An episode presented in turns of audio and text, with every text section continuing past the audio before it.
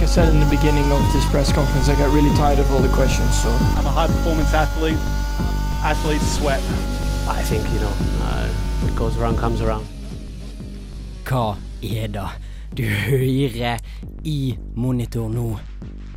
Er det bremsespor? Det er bremsespor. Er det bremsespor? Det er bremsespor. Vi er tilbake igjen. Vi har hatt en liten eh, sommerferie. Eh, litt eh, dumt av oss med tanke på at eh, Formel 1 tok ikke ferie samtidig.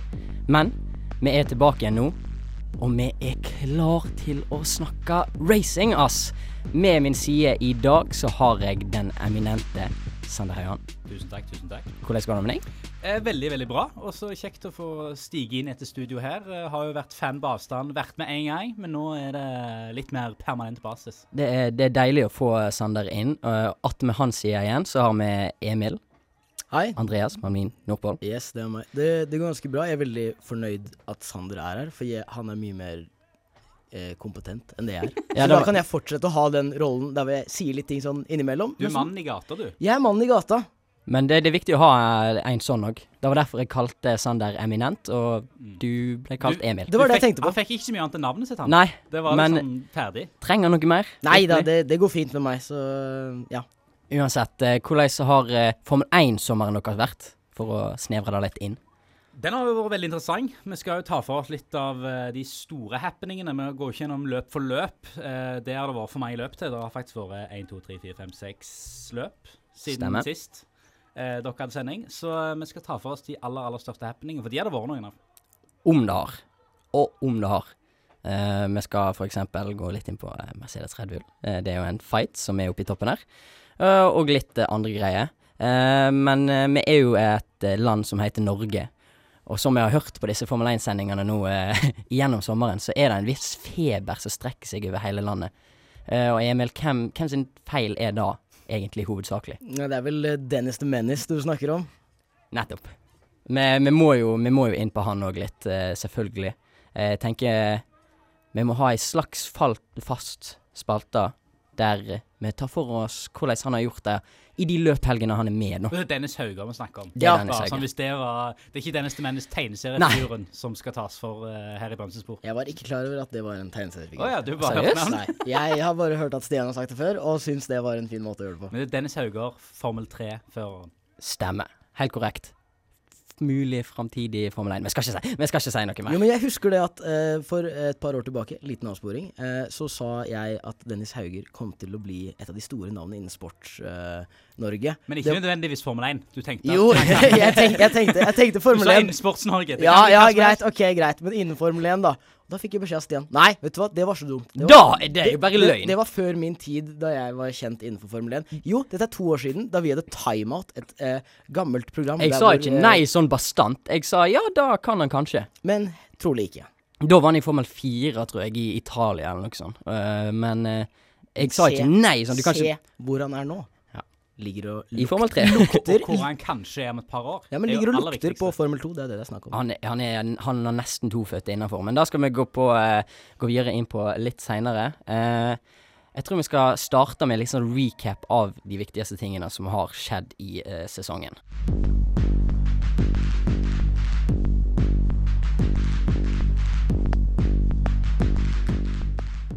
Vi kan jo eh, ta for oss da det som kanskje har vært den største snakkisen eh, gjennom sommeren aller først. Eh, nemlig denne toppkampen mellom de to eh, hoved, eh, beste lagene der så langt i sesongen. Eh, Red Bull og eh, Mercedes. Eh, og eh, det siste, eller det første løpet som var etter vi ga oss da for Monaco sommeren, Monaco var vel siste vi hadde om. det var siste vi hadde. Stemmer. Stemmer, da. Eh, Aserbajdsjan var eh, første løpet. Og eh, det var jo prega av litt eh, dekkkontroverse. Ja, for det var da det var noen som punkterte litt. Det var vel Ikke bare punktert litt. Ja, ok, det var en ganske, Punkterte fin, ganske mye. en fin punktering. Ja. For po Poenget her var at dette var jo eh, nokså mot slutten av løpet. Verstappen, Max Verstappen i en soleklar ledelse. Eh, tenkte at dette skal bare kontrolleres inn. Men så var det jo litt sånn småsnakk på radioene over, overalt at det begynte å se slitasje på dekkene. Eh, og plutselig, bare på den enorme langstrekka som eh, Baku har, eh, så sveier det pang. Og så forsvinner Max Verstappen ut av løpet. rett i veggen. rett i veggen. Eh, og det, det aller gøyeste her er jo omstarten som Ja. skal skje etterpå. Der, Helt eh, Lewis Hamilton har jo her nå en helt sinnssyk mulighet til å ta inn 25 poeng på Max Verstappen. Eh, og eh, gir beskjed til Toto Wolff på uh, anlegget sitt. Bono og Toto Wolff får beskjed om at uh, it's marathon, not a sprint. Så her er det viktig liksom, jeg skal, jeg skal ikke ta noen store sjanser. Nei. Også i første sving, så Ut ifra det man har forstått, da, så har han glemt å skru av en sånn traction control-knapp på, på rattet sitt. Ja. Som gjør at, at det blir for mye spinn på hjulet. ene hjulet bare låser helt ut. Han bare dryler ut istedenfor å svinge. Det ser jo Det- veldig amatørmessig amatørmessig Fra, fra han, jeg tenker, det er noe sånn masse pinn. Ja, kanskje litt mer der. Ikke helt Hamilton. Ikke gå rett inn på masse pinnhaten Ja, her men jeg- Jeg, jeg syns det var litt kjekt å se, for at det viser jo at uh, han er menneskelig, han òg. Nettopp. Uh, Louis Hamilton har jo fått mye Det er jo mange som ikke liker han. At det er litt for perfekt, og det er litt for golden boy, og han får ting sin vei. Mm. Men at uh, han viser jo at han er jo ikke noen robot, i alle fall. At her var det jo rett og slett en menneskelig De, de konkluderte litt med at det var en menneskelig feil av han òg. Han kunne kanskje fått litt hjelp av ingeniørene sine, men ja, han rett og slett dreide litt på, på leggen. Og det, Det er deilig. deilig å se, syns jeg, da. Det er deilig. Da kan skje det beste. Uh, da, endte jo, da løpet endte jo med at uh, Checo, Checo Perez, tok, eh, tok seieren. Uh, ble jo ikke så stor forskjell da i toppen der mellom Red Bull og Mercedes der. Men hvis vi går videre til Frankrike, så hadde vi et ganske, ganske plain løp. Eh, der viste eh, egentlig Red Bull at eh, de har lært litt av den taktikkfeilen som de gjorde i Spania, med at de pitta to ganger, eh, eh, og gjorde sånn at Hamilton måtte prøve seg på ett pitstop. Så da, da kjenner du liksom sånn friksjon, fordi da tenker Toto bare fuck, nå ble vi outplaya. Så jeg føler da der skikkelig eh, Det starta litt med sånn skikkelig rivaleri da i sommer. Jo, absolutt. Jeg tenker også det at eh, fram til det tidspunktet så tenkte man ok, ja, det ser ut som at Mercedes egentlig har the upper hand. For at uh, i Spania så hadde de en mye bedre pitstop-strategi. Mm. Og da tenkte man ok, kanskje Red Bull ikke er helt av det nå. Så svarer de, og da ser man at ok, dette her kan faktisk bli en veldig spennende tittelkamp. Nettopp. Ja, og så siden Frankrike så var det jo første løp i Østerrike etterpå, og det var jo samme greiene med at Verstappen stakk av med seieren. Mm -hmm. uh, og nå er Det med, jeg har hatt feelingen av gjennom hele sesongen, at uh, Red Bull har nok den raskeste bilen, Ja. uh, men så har Mercedes ligget litt foran på taktikken. Mm. Og så kom disse løpene vi snakker om her, der jeg følte at oi, nå har Red Bull plutselig begynt å skjønne taktikken òg. Eh, og jeg var nesten, skal vi si, etter det åttende løpet her i Østerrike, så var jeg nesten sikker på at nå, nå tror jeg Verstappen og Red Bull bare kontrollerer dette inn, jeg. Òg trodde det. Eh, at eh, her virker som de har lært noe.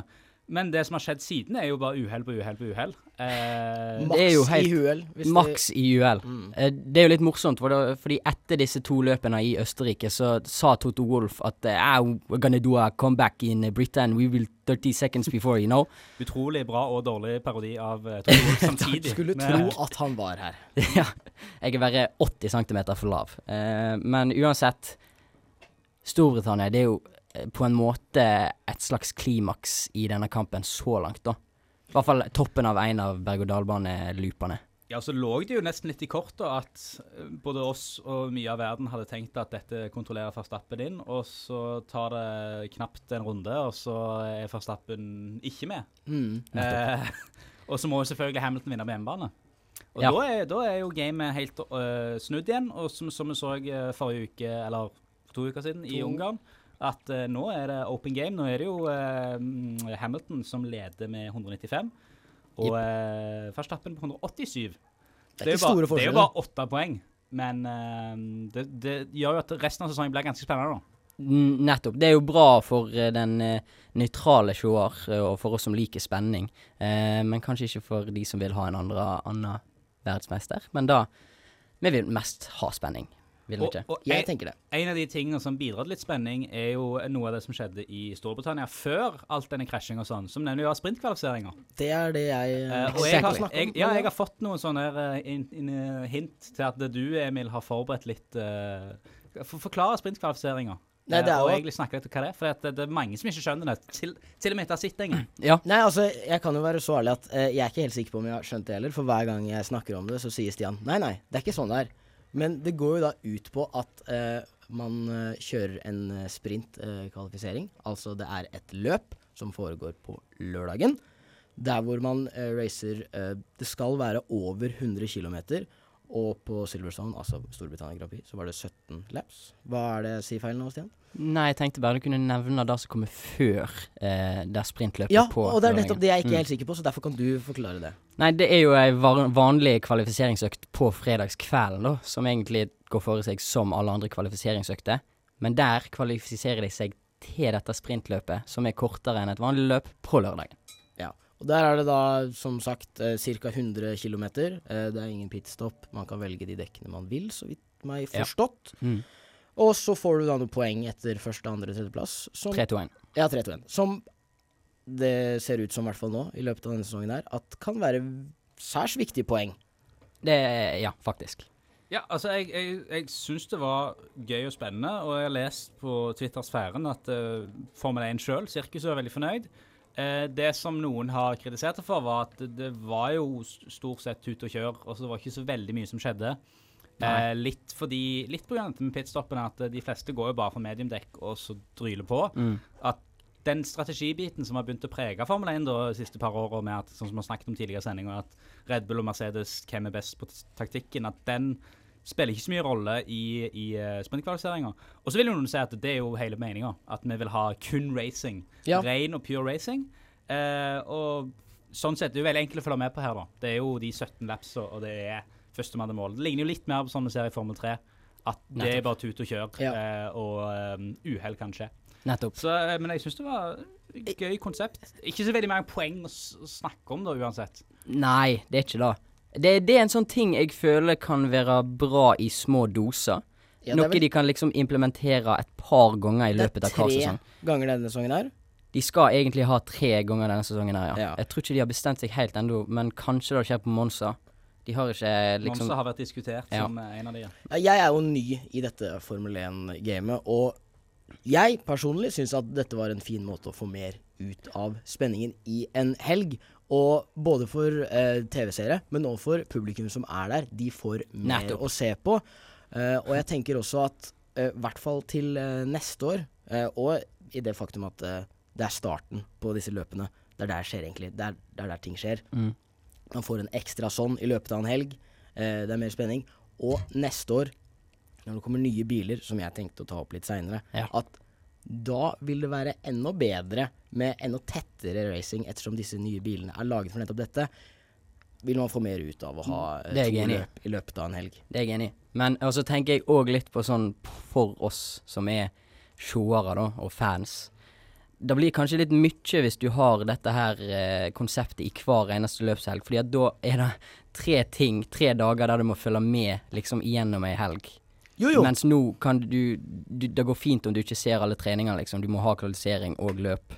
Så hvis de har det sånn et par ganger Det vi, det vi klager på nå, er egentlig et luksusproblem. Ja, det, ja, det, ja, ja. blir Det blir for mye. Det blir for mye for oss. Ja. Uh, for den kan jeg være enig i. at Jeg synes Hvis de, de legger opp til tre-fire løp i løpet av de 23 som er, Mm. Eh, eller planlagte 23 som de skulle ha, så får vi se hva som skjer. Eh, rett før vi kommer på sending i dag, så er det jo Suzuka ferdig. Den er ute, ja. eh, ute. Japan også. Eh, I Japan, ja. Eh, det var jo Tyrkia òg. Tyrkia kommer tilbake igjen, Mm. eller rescheduler. Så vi får jo se hva som skjer med Suzuka. Eh, men Oi sann. Mm. Til poenget mitt om at tre-fire løp i løpet av en sesong eh, kan være veldig greit. Ja. Den kapasiteten har vi til å følge litt ekstra med. Men der ser du forskjellen da på at du er jo sett lenger enn meg, og jeg er mer på sånn litt mer. Sånn Ja, ja. halvparten, syns Du jeg. vil ha, du vil Oi. ha en sånn overdose når du først er i gang nå? Ja, jeg får overdoser. Um, Men jeg føler at det, det er liksom ikke utslagsgivende nok til at du skal ha det på halvparten av løpene. Nei, 3-2-1 poeng. Det, det er liksom Nei, men det er, jo ikke, det, ikke, er ikke det jeg egentlig bryr meg om. Det Nei, Du vil det bare ha mer, du. Mer spenning. Ja. Men samtidig- Ville du ikke hatt mer spenning hvis det var 10-5-2 poeng? Eller noe, altså Jo, jo, At poengene det, var ganske det, utslagsgivende? det er jeg helt enig i. Mer poeng. Eh, mer poeng, mindre av denne type kvalifisering. En, eller fortsette med sånn eh, halvparten, eh, altså de poengene man har nå, 3-2-1, og halvparten av løpene. Jeg liker den mer poeng. Da hadde det vært gøy. Da, da er det i alle fall spenning. Ja, for da skjer det mer. Ja, og da tror jeg du ser at de faktisk tar flere risk i sprintløpet. Ja. Så jeg vet ikke. Vi, får sende inn et slags forslag til eh, Formel 1 eh, om hva vi vil. da. Felles mail fra bremsespor. Mm. Jeg tror, jeg tror det blir et par av de i løpet av sesongen, egentlig. Fullt mulig, altså. Eh, med, som sagt så har vi jo hatt litt fri, men vi har jo fulgt med på Formel 1 i løpet av sommeren. Jeg tenkte at vi skulle eh, dra fram noen tanker som vi har eh, gjort oss opp. Meninger, kanskje noe nytt vi har innsett eh, i løpet av sommeren, da.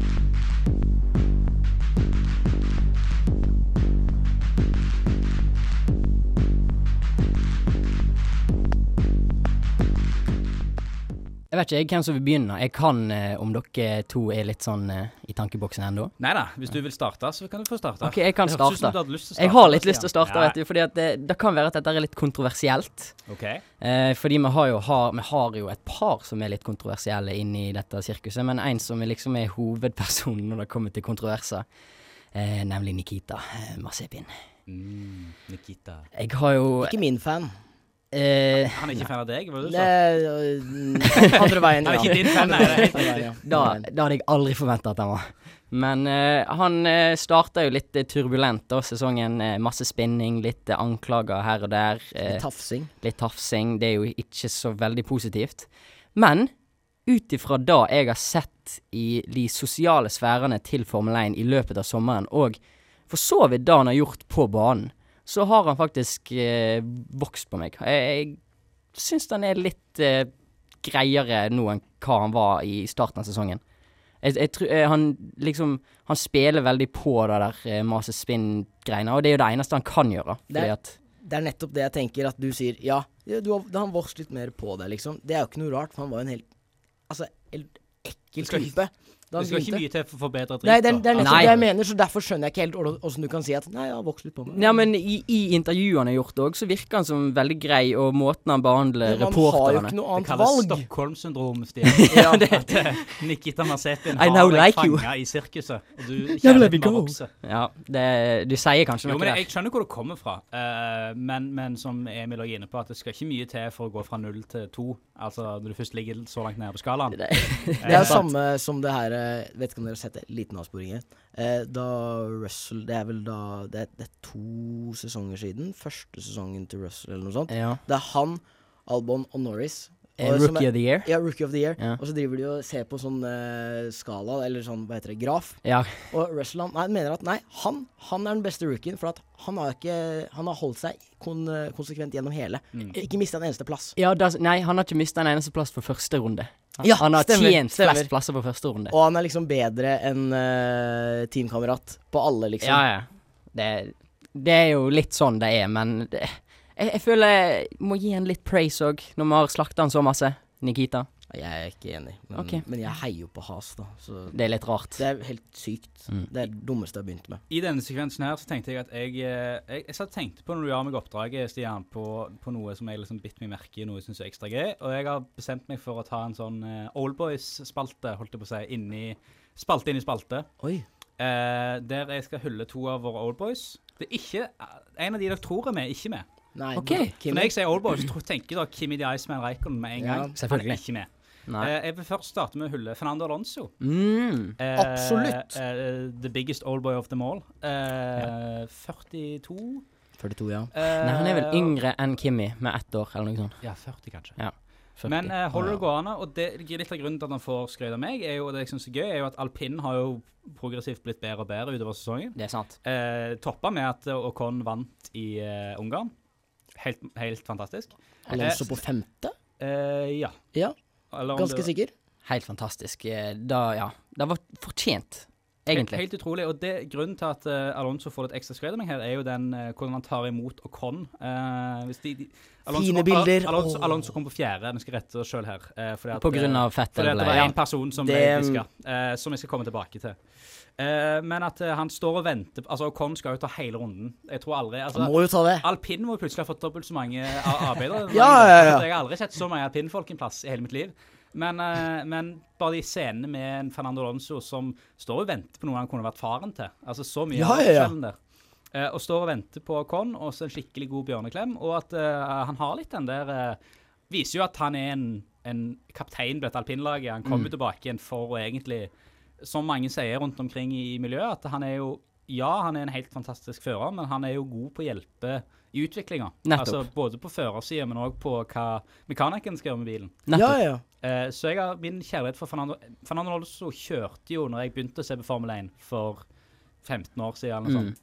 Eh, og det sier jo egentlig alt at han husker veldig godt eh, fra Ferrari og, eh, og eh, McLaren.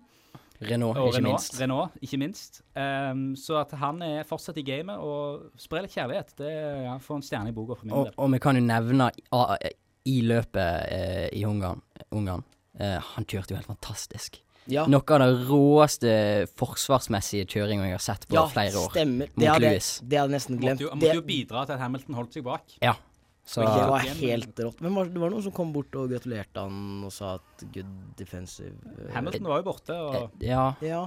ga han en liten en. Eh, og Con gjorde jo det òg, selvfølgelig, da. Jo, jo, men, men jeg tror det var Lando, kanskje? Fettel som var bortom og sa liksom at ja, bra at du tar og det, forsvarer litt. det er min første Oldboys-hyllest, så jeg gir ordet videre til deg, Emil. Ja, da kan, Hvis vi snakker om Oldboys, så kan vi jo ta det negative med noen Oldboys. Uh, Kimi, som ødelegger uh, løpet til det du eh, mener eh, har vært bedre nå etter hvert. Nikita Mazepin. Ja. Kjører jo i han, eh, Ja. inn i pit lane. Eh, ja. skjønner ikke helt hva som skjer der. Det er snakk om Kimi som har vært i dette, dette sirkuset lenge. Å drive og krasje inni, inni pit, det er liksom Hva er poenget med det? Og spesielt, jeg tenker at dette var et løp der hvor det skjedde veldig mye som ikke vanligvis skjer. Kunne vært ekstra gøy å se hva som du mener at Nikita kunne gjort noe bedre der. Kanskje at, ja ok, kanskje han fikk lov til å være med litt og se Altså, han hadde jo på ingen måte gjort noe særlig mye bedre enn han pleier å gjøre. Han hadde jo havna sist, men det kunne skjedd litt mer. Ja, man sett han selvfølgelig. litt mer. Og Han kunne komme på 16.-plass, f.eks.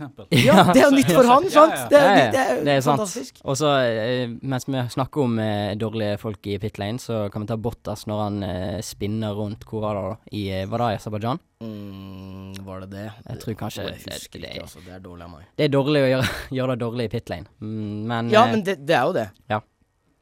for å gå videre til en litt sånn en litt sånn prediction som jeg egentlig har på en måte bekrefta for meg sjøl i, i løpet av sommeren.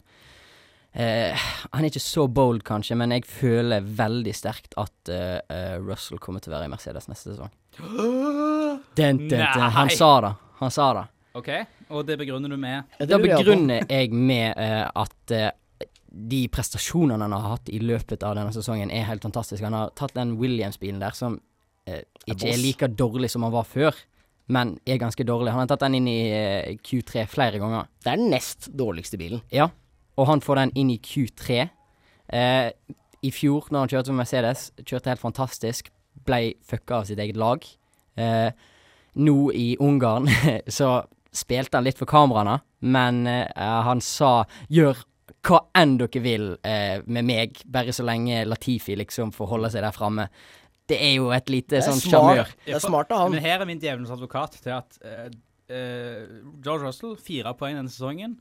Nicolas Latifi seks poeng denne sesongen. Du sier noe der. Så, så jeg er nesten Nei da. Du tror Latifi- Det, det er tull. og Lati- er- Sånn er det bare. For jeg kan være enig med deg at eh, George Russell til Mercedes er jo Det begynner å bli en dårlig bevart hemmelighet at uh, det går den veien der. Eh, spesielt når Walter Bottas fortsetter å I mangel av et finere ord kuker det til. Um, Jeg skjønner jo det, da. At han kuker det til. Nei, men altså Ja, at han ikke gidder så veldig mye mer. Jeg syns så synd på fyren. Ja. Altså, Men han, kan, han, de kan jo gjøre han kunne gjort noe, de, de liksom. kan gjøre et rent bytte. At han tilbake til, til Williams. Eh, Det tror jeg Valtteri- faktisk- Valtteri tror kan gå Bottas har jo race-seier i Williams. Det må vi ikke glemme. Ja, det, det er faktisk sant. Det er sant. Eh, hjemvendte sønn kommer Mm. tilbake til Williams, og plutselig ser er de opp og nikker. Jeg tror det kunne vært bra for begge lag, men det er jo en person som skal sikkert ha en finger med i spillet her, og det er jo Mr. Sir Lewis eh, Hamilton sjøl. Mr. Sir Lewis, Mr. som Sir han Lewis. foretrekker å bli kalt. Yes. Men det er, det er jo nettopp det her som gjør at det har vært en snakkis. Det er jo noen rykter som sier at Lance Stroll plutselig skal ha et år i Mercedes. Hvis Eh, det skjer, så ja, men, men det er jo nettopp fordi at Bottas, han skal ut. Og i den eh, utfasingen av Bottas og at Louis fortsatt skal være der, så er det et ønske om å ha inn Lance Stroll, fordi at han er jo ikke like god som Russell, etter min mening, etter de fleste sin mening. Og folk tror at uh, Russell og Louis kan bli et problem, ettersom eh, Louis er uh, ganske ja, egosentrisk, vil være best og hele pakka. Men Russell kan være bedre? Da ville jeg hatt Nico Hulkenberg istedenfor Stroll. Ja. Da Hylkenbjerg. Hulkenberg! Hylkenbjerg. Apropos uh, Hylkenberg, Hylkenberg. så har jeg veldig lyst til å bare kaste ut uh, Nikita uh, en Hulkenberg. og få en Hulkenberg i has. For at det hadde vært oh, Det hadde jeg vært med på. Jeg har Ja, vært med på. sant? Mm. Men da har vi kommet til mitt andre punkt. Ja. Uh, og jeg skal jo fortsette min Oldboys-hyllest. Eh, og eh, min nummer to er jo da Sebastian Fettel. Ja. Eh, som nå Ja. kan begynne å kalle seg en Oldboys. Vært med i game veldig lenge. Eh, og det, her er det jo både topp og bunn. det det jeg syns er veldig fint, før løpene i Ungarn eh, Dette er jo tyske Fettel som husker det som skjedde i fotball-EM i sommer, når Allianz Arena ikke fikk lov til å lyse opp i regnbuefarger før møtet med Ungarn. Mm. Eh, han stiller jo da i både regnbue-munnbind og regnbue-T-skjorte før racestart.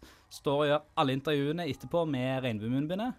Eh, også det negative er jo at fyren ble jo faktisk diska fra andreplassen sin. For lite Eh, bensin. For lite bensin igjen. Eh, og da, Det er sånn liten sånn fin greie. Twitter gikk jo litt sånn konspiratorisk umiddelbart, som Twitter ofte gjør. Mm. Med at det var ikke tilfeldig at det var på Ungarn Grand Prix Nei. at Nei, men han plutselig hadde litt for lite bensin, og at han kanskje pissed off the wrong people. Men vi er ikke konspiratoriske.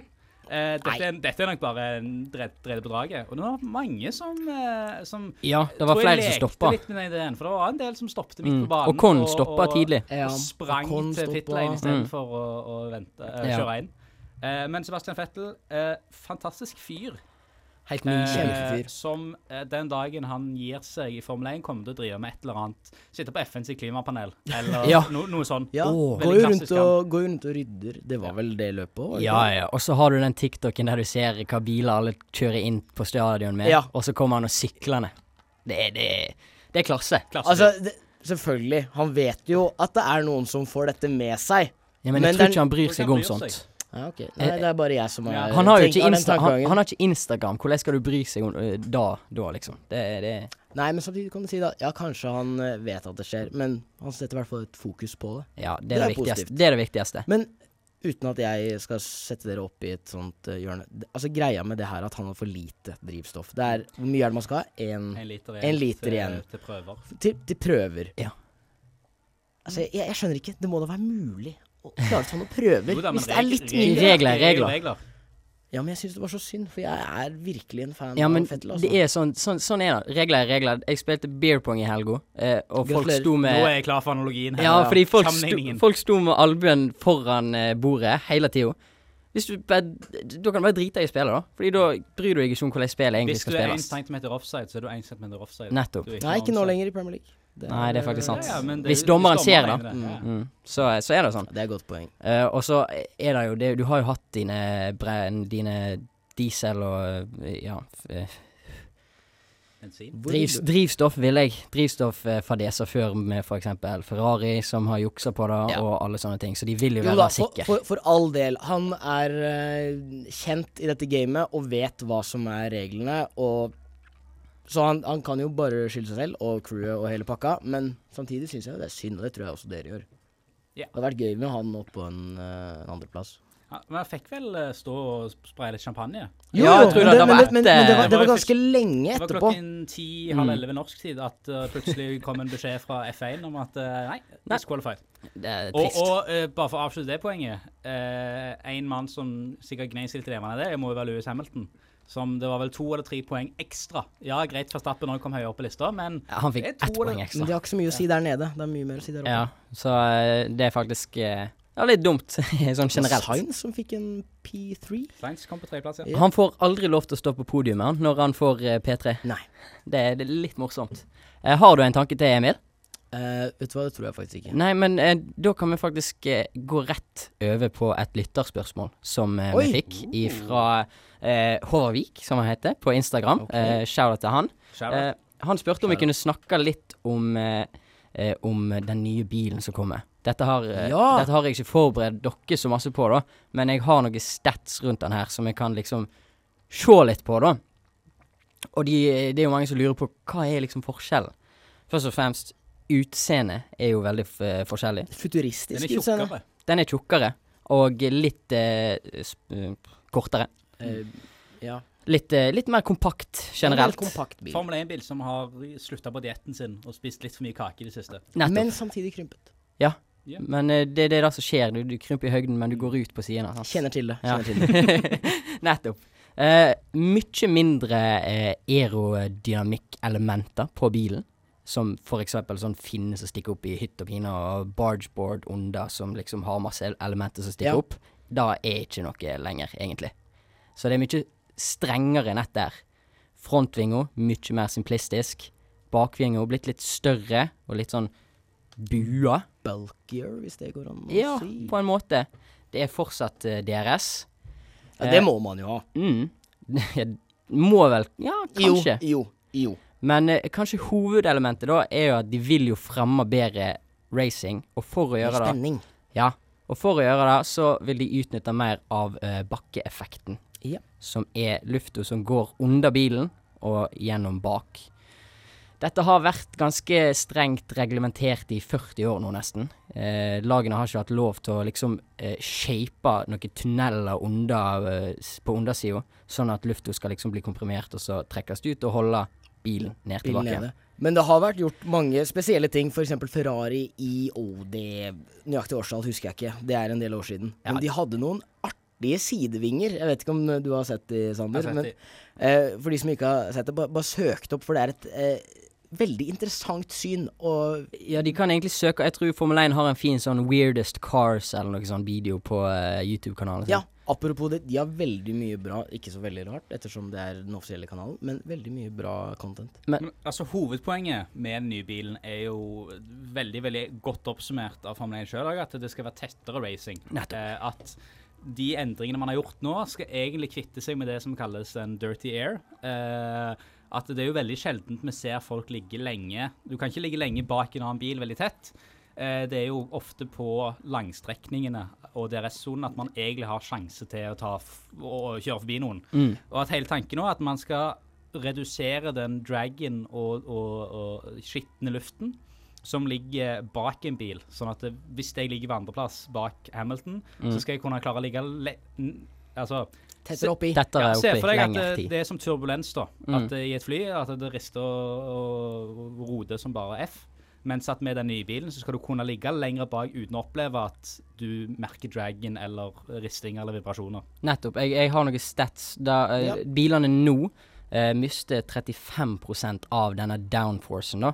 uh, når de er 20 meter bak en annen bil. Det er ganske, det er ganske mye. Det er ganske svært. Det er en tredjedel av den luftmotstanden og downforcen de vanligvis altså, får. Nettopp. Mens de nye bilene som kommer, skal bare miste 4% av downforcen sin i, når de er 20 meter bak. kan vi bare forklare downforcen for de som ikke er helt inne på det? Nedkraft. er jo at det er såpass enkelt at hvis du, hvis du hadde tatt denne bilen uten det som kalles downforce, så hadde de letta. Det er tatt av. Det er et klipp av det Eh, også ja. som ligger ute. Det er ikke Formel 1. Det er Le Mans-bil, Poenget er at f.eks. på Monza, der du kan kjøre 350-360 km i timen, så trenger du biler som har ganske god downforce. sånn at eh, i det du skal svinge Altså, det går fint hvis du kjører rett fram. Mm. På et eller annet tidspunkt med lang nok kilometer eh, løpebane, så tar du resten av. eh, uansett. Jo, jo. Men at downforcen er det, det er for at luften skal dra, dra bilen ned igjen på bakken, egentlig. Er egentlig det vi snakker om, vi snakker om downforce. Sånn at eh, når du sier at det går fra 35% til 4 Mm. så er det det at, eh, at ja, de er kanskje mindre trygge, vil noen trodd. At de kan kjøre mye fortere. Mm. At downforcen forsvinner, og at du eh, selve hastigheten rett fram er mye større. Ja. Er vel egentlig det vi snakker om når vi snakker om downforce. Ja, nettopp. Så eh, det er litt om bilen. Vi kommer ut og snakker mer om den i løpet av sesongen, og i hvert fall når vi nærmer oss eh, neste års Formel 1-sesong. Eh, jeg tenker vi skal gå over på eh, vår eh, yngling, som er i Formel 3 eh, nå. Se litt på hva han har gjort på i sommer, og så seinere etterpå da, så ser vi litt framover hva vi kan forvente oss med resten av sesongen.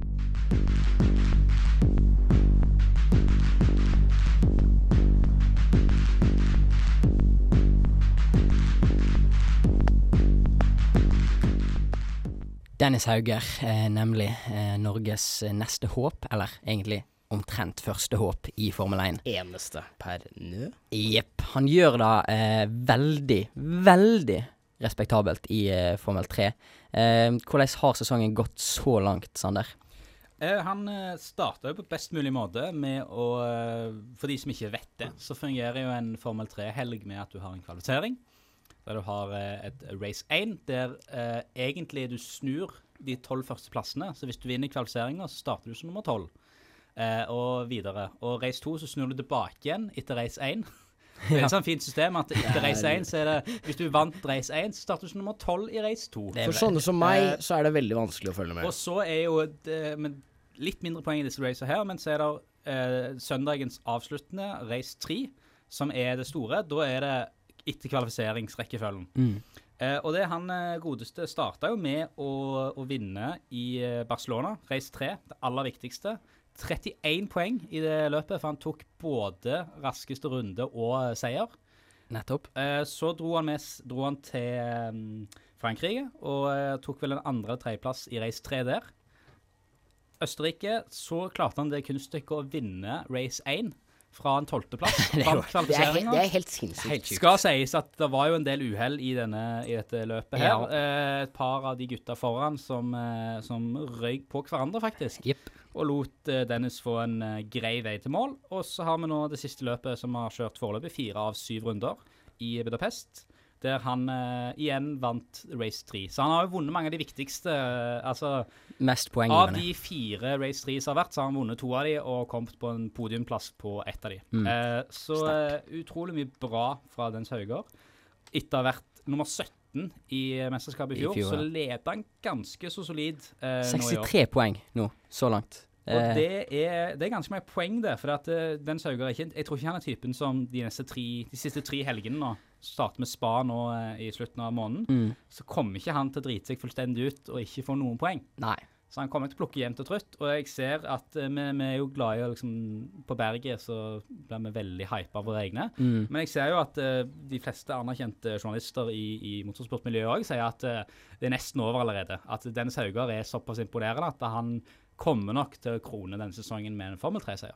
Det hadde vært overraskende hvis han ikke gjør det. Men. Men vi skal ikke, vi skal ikke si noe Nei, tidlig. nei, vi skal ikke ringse det, men uansett at han tar steget opp til Formel 2, er vel så å si Det er veldig sannsynlig. Det er jo egentlig, altså Vinner han, så er det iallfall bankers. Ja. Ja, ja, eh, for det som er funny med dette her, at hvis du vinner Formel 3, så får du ikke komme tilbake igjen. Nei, nei. Eh, da må du en annen plass. Mm. Så de aller fleste skal jo opp til Formel 2, da.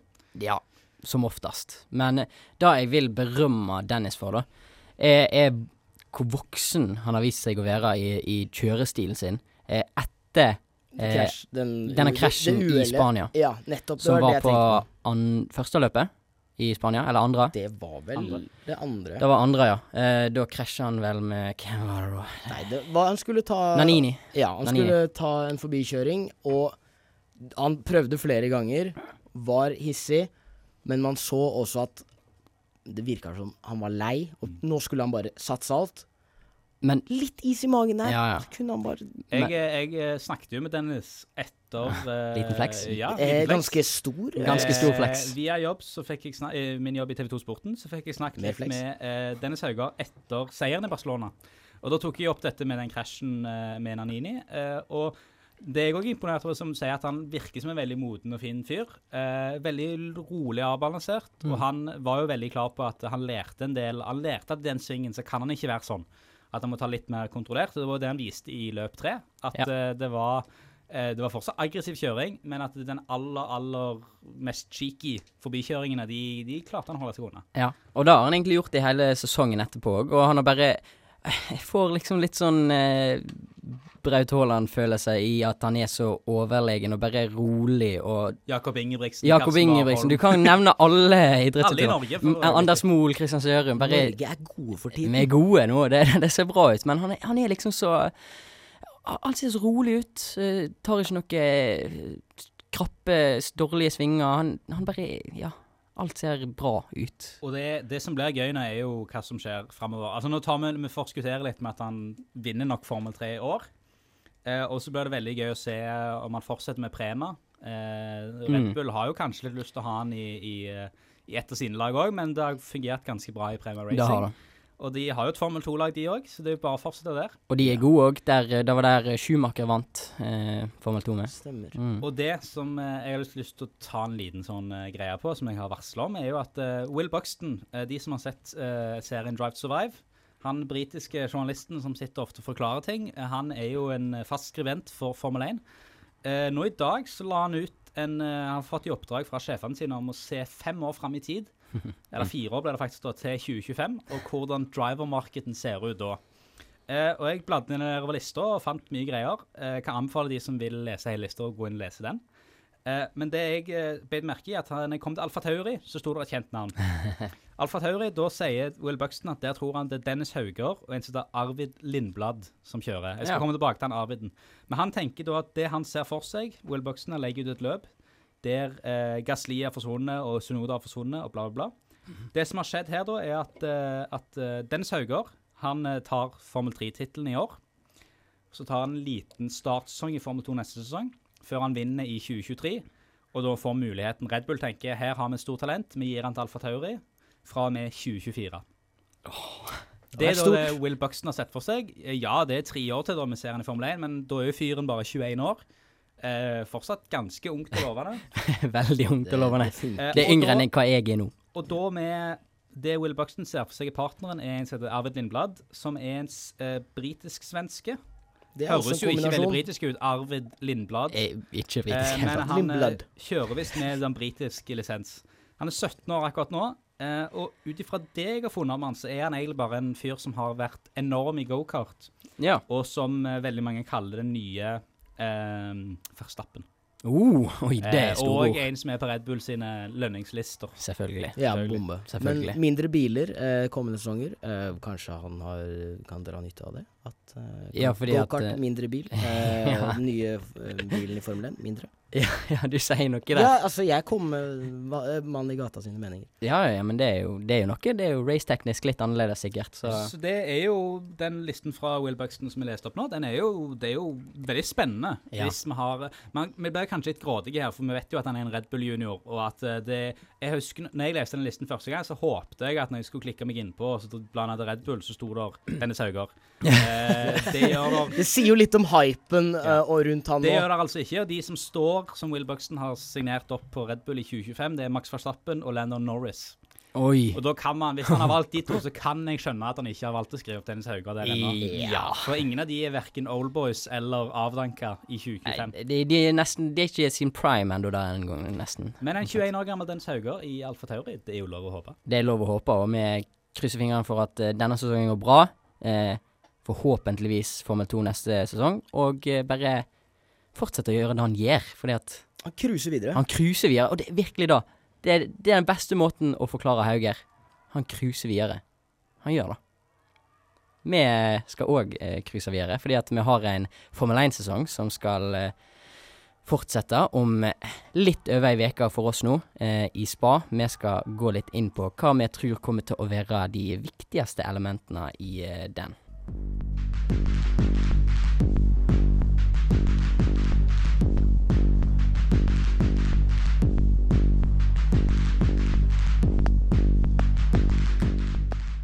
Ja da, vi skal eh, turen til Belgia om ei og ei halv uke. Eh, en veldig fin eh, bane. Vi har mange fine baner. Eh, Den lengste banen. Stemmer. Eh, Ikke jeg klar over.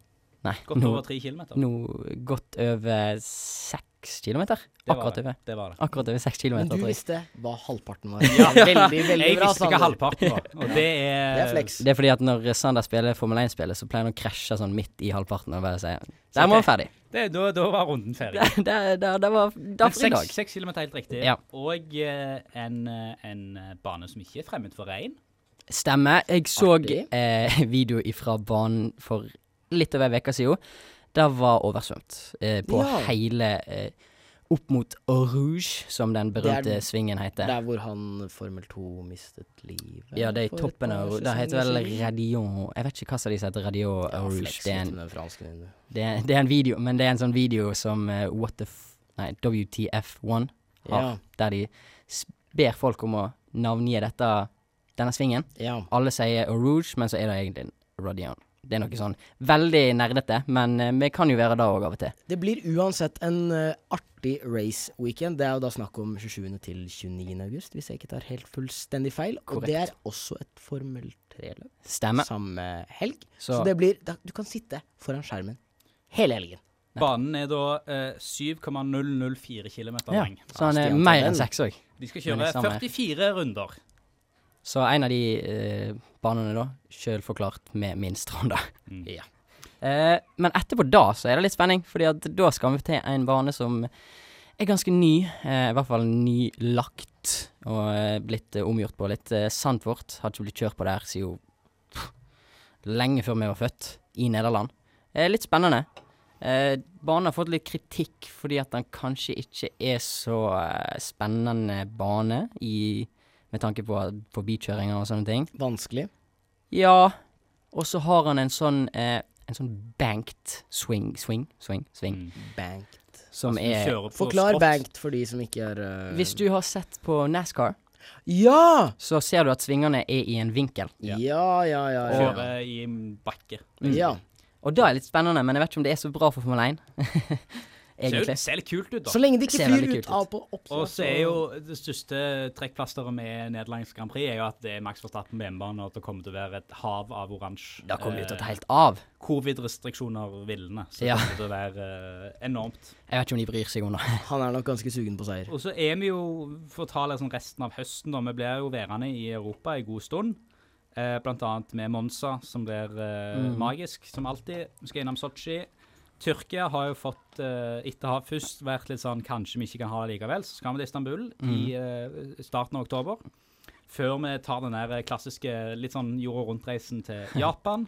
S vi skal ikke til Japan. Vi skal ikke til Japan. Det står på, fortsatt på lista her, Ja, ja. men vi skal ikke til Japan Vi skal ikke det. Eh, da er det USA, Mexico, Brasil. Så er det en som skal bestemmes i november. Saudi-Arabia, Abu Dhabi. Mm, Og Abu Dhabi så får vi se donuts kjørende rundt på uh, mest sannsynlig. Etter all sannsynlighet. Da, og vi kan jo nevne med Abu Dhabi da at han har eh, blitt eh, omgjort litt, banen. Eh, I noen svinger har blitt omgjort, sånn at det skal være lettere forbikjøring. Fordi at har blitt kritisert litt for at det, det er for dårlige muligheter til forbikjøring der. Men med tanke på da, hva tror dere kan være de utslagsgivende løpene i løpet av denne resten av sesongen nå? Det er jo så kjipt at det, hadde vi spilt inn tidligere i uka, så hadde jeg jo sagt Japan. Eh, Mm. For Suzuka er alltid en litt sånn gøy bane. Ja. Eh, ellers så er det jo Det er jo altså, Allerede nå på spa blir jo, blir jo spennende. Eh, spesielt om, som jeg egentlig håper, at det kommer litt regn. Ja. Eh, for en våt spabane på syv kilometer, det kan da skje mye rart i løpet av 44 runder. Eh, ellers så har jeg blinka meg ut Jeg har blinka meg ut Sotsji. Mm. Eh, for den er alltid litt sånn eh, spennende. Og så er det egentlig de to vi skal mot Sør-Amerika i Mexico og Brasil. Interlagos, Brasil. Interlagos ja. eh, Du kjører feil vei, Ja. eh, er vel egentlig poenget. At det er en av de få banene i verden der man kjører primært med venstresvinger istedenfor primært med høyresvinger. Mm. Eh, man kjører anti-clockwise. Eh, så Brasil, eh, veldig, veldig gøy. Mye historie med Senna og alt mulig rart. Så, Det så den ser jeg for meg kan bli utslagsgivende. Ja, og der har det jo skjedd masse utslagsgivende før. Du har jo Hamilton kjøre forbi Glock i eh, 2008. Eh, det, det er så masse som skjer der. Fordi det er seint mot eh, sesongen, og en ganske spennende bane der det kan bli regn, der det kan bli masse vær, og ja, alt kan skje, egentlig. Så Brasil tror jeg er verdt å notere seg, hvis de får lov til å komme der til i det hele tatt. En annen som jeg så litt på, var Tyrkia, fordi at i fjor, når vi kjørte der, så ble det jo et ganske spektakulært eh, løp med ganske masse regn og ja, litt her og der. Leclerc som feiler på siste. Ja, stemmer det. Stemmer det. Så eh, jeg, jeg vet ikke. Det blir spennende. Litt dumt, som sagt, at eh, Japan ikke er med.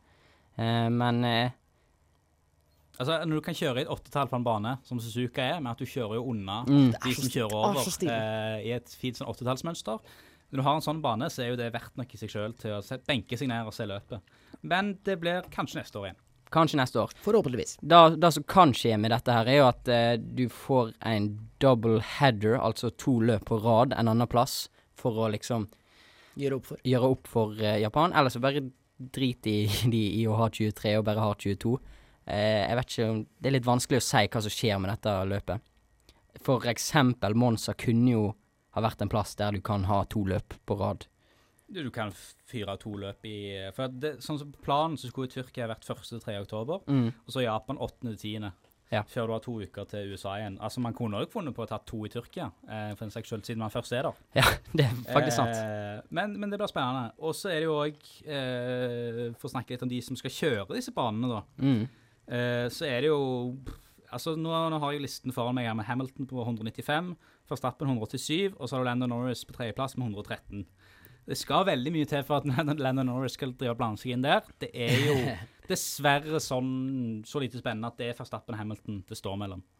Det er det. Eh, og det som vi var inne på tidligere i sendingen, at eh, jeg tror det er strategien som eh, de resterende løpene blir avgjort på, og egentlig mesterskapet òg. Jeg er enig. Strategien og, og flaks. Vi har sett Ja, så ja, mange ganger allerede i løpet av sesongen at løp blir ødelagt for Verstappen flere ganger, og, og bare Hamilton. Direkt, Hamilton, altså direkte uflaks. Så alt kan jo fortsatt skje, men at det er en av de to, etter all sannsynlighet, det er det som skjer. Men det som er tingen er at jeg Nett nå, sånn som det er nå, jeg klarer ikke å se at det er en klar vinner. Jeg klarer ikke å skille de liksom sånn. Det er litt deilig. Det er veldig deilig, men det, er- og det skaper jo masse spenning. Eh, men jeg tenkte vi kunne bare se litt fort på tredjeplassen, fordi der er det òg ganske spennende. Du har Ja, for Landon Norris 113, eh, Valtteri Bottas 108, Sergio Perez 104. nettopp. Og det er jo ganske spektakulært at Lando ligger så- først. Og så er det 20 poeng ned til Carlos Sainz da, på 83. Eh, men det er jo kanskje de tre vi snakket om her, Perez, Bottas, Landon Norris. Mm. Det er jo kampen om tredjeplassen. Eh, det er mange nå tenker at Landon Norris begynner å se ut som en, eh, en veldig god kandidat. Eh, mye bedre enn Daniel Ricardo, Ja. som skulle være liksom eh, førsteføreren i det laget. Utrolig. Litt sånn usagt, men han skulle være eh, den rutinerte og den solide. Så får vi se.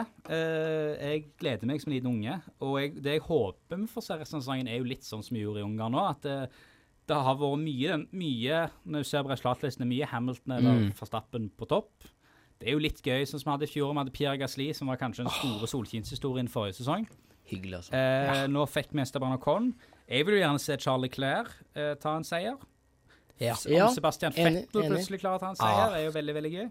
Det var jo nesten i Ungarn, men Eh, med unntak av de, så jeg vet ikke hvor mange Lando Å sette en Ja, Lando, Lando-seier, Lando-seier hadde da hadde det vært veldig spesielt, tror jeg. Jeg sitter og håper på både Lando-seier, men et poeng til Has hadde jeg sett veldig Det tror jeg du skal se lenge etter. Jo, jo. Da tror jeg vi må ha en situasjon der ti stykker krasjer ut av løpet. Eh, Du skal, du skal ikke se bort fra at det må være opptil tolv stykker som krasjer før det. Oh, ja, for de klarer ikke å komme seg i mål. Som, Mest sannsynlig Nei. ikke.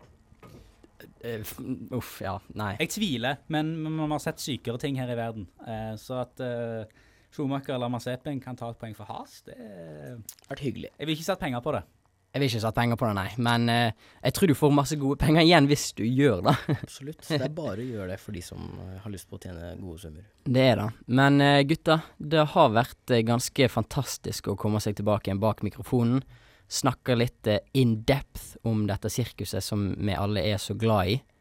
Eh, vi skal jo prøve Vi skal fortsette gjennom sesongen. Vi skal prøve å gjøre det så regelmessig som eh, mulig. Eh, det er som oftest oss tre du kommer til å høre. Kanskje vi får inn noen andre, kanskje vi får noen gjester. Eh, Forhåpentligvis. Den forhåpentligvis. mennes. Det, det er masse å be om. Tegneseriefiguren eller Dennis Hauger? Eh, Dennis Hauger. Eh, kanskje over telefon er mest eh, sannsynlig, men Alt er mulig. Vi skal, vi skal prøve vårt beste på å bare få inn eh, så masse godsaker som vi kan. Eh, har dere noen siste ord dere vil si liksom i starten av andre del av sesongen? jeg kan vel si at uh, har du noe du har lyst til vi skal snakke om, send det gjerne inn på DM på Instagram, og så tar vi tak i det. Uh, prøver å finne svar på det. Mest sannsynlig et dårlig svar, men vi skal prøve. Det var egentlig det jeg hadde å si. Jeg støtter meg bak det Emil sier. Nettopp. Uh, følg oss på Instagram. Jeg tror det er bremsespor understrek eh, srib. TikTok. TikTok. Eh, nå har ikke vi filma denne episoden her, men jeg skal prøve å få ut litt eh, snadder, sånn at, vi, sånn at lytterne våre der òg vet at vi er i gang. Eh, og utenom da så er det vel ikke mer å si. Eh, vi tar et lite pitstop til neste gang. Da er vi snart i spa. Takk for i dag. Takk for i dag.